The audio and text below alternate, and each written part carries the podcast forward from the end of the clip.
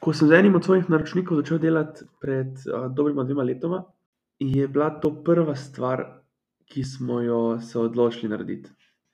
In danes, po več kot dveh letih, se je to izkazalo za najbolj dobičkonosno odločitev, uh, ki bi jo lahko kadarkoli dejansko sprejeli.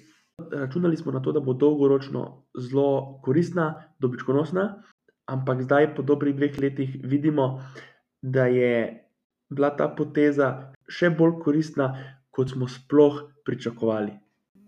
Lep pozdrav, moje ime je Aleš Kak, ti pa poslušaš podcast Marketinške skrivnosti, v katerem govorimo o tem, kako tvoj produkt ali storitev maksimalno profitabilno oglaševati na spletu, ne glede na to, v kateri panogi posluješ.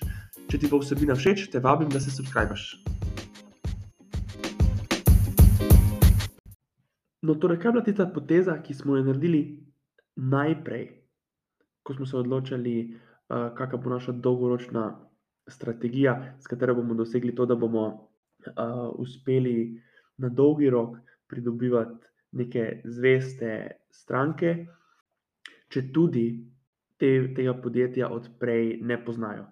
Torej, na kak način jih bomo nekako pripeljali od tega, da še nikoli niso slišali za to podjetje in za, njihovo, um, za njihove izdelke, oziroma njihovo rešitev, do tega, da bodo postali zvesti, uh, zveste stranke, ki bodo dejansko temu podjetju zaupali. Itak, da je opcija ta, da dejansko se odločiš uh, vsak mesec bajne vsote uh, metati v oglaševanje in nekako s tem povečati uh, ta brand awareness, ki ga pač tvoje podjetje ima, vse v redu, ampak um, recimo težava bi se pa pojavila, kaj bi se zgodilo, če bi, uh, kak, če bi prišel do kakega Facebook računa Bena ali kaj podobnega, pomeni, da bi nam bilo, on, da bi nam bilo onemogočeno oglaševanje. No, odločili smo se, da bomo oglaševali tako, tako na Facebooku, kot na Googlu in to z, v čim večji meri. Ampak poleg tega pa smo naredili to, da smo se odločili, da bomo dejansko vsak teden začeli objavljati, vsaj enkrat na teden, neko poučno izobraževalno vsebino.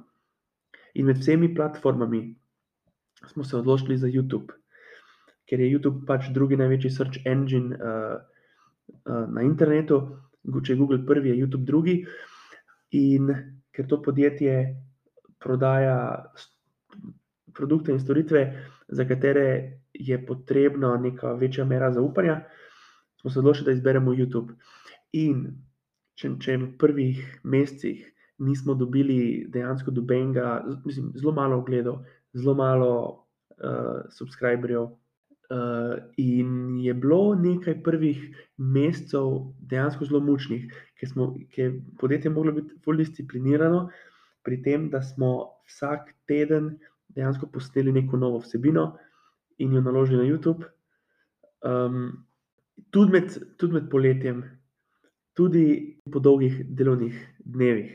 In zdaj, po dveh letih, je pa rezultat ta, da ljudje sami od sebe pridejo do, do teh videov na YouTubu, si vidijo enega, jim je všeč, in vidijo še mogoče deset drugih, In dejansko med tem gledanjem teh videov dobijo vse informacije, ki jih rabijo, da se, dejansko, da se potem odločijo v naslednjem koraku za nakup eh, produktov ali, ali kjer od storitev tega podjetja.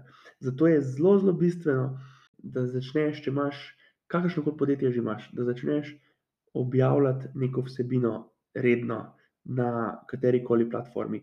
Idealno je, da si izbereš eno platformo in da na tej platformi gradiš, ali je to blog, ali je to YouTube kanal, ali je to uh, Instagram račun v, v končni fazi, ali pa je tudi kot nek audio, kot je podcast.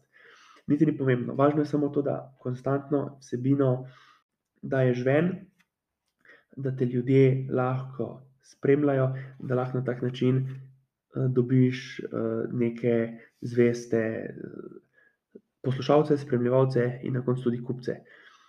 Seveda, to je strategija, ki je dolgoročna in ne more dati rezultata na kratek rok. Medtem ko na dolgi rok se pa zelo, se pa zelo, zelo splača. In pri tem, pri tem konkretnem podjetju, ko smo pred dvema letoma, ko smo se odločili, da bomo to strategijo um, začeli, nismo verjeli, da lahko dejansko pridemo do nekaj tisoč subscriberjev na, na YouTubu v Sloveniji. To, da enako priporočam tudi tebi, da zbereš eno platformo, začneš objavljati in si konsistenten pri tem, in se dejansko pustiš presenetiti, kaj se bo zgodilo na dolgi rok. To je bila bolj kratka epizoda, upam, da ti je bila epizoda koristna uh, in da se poslušamo v naslednji epizodi.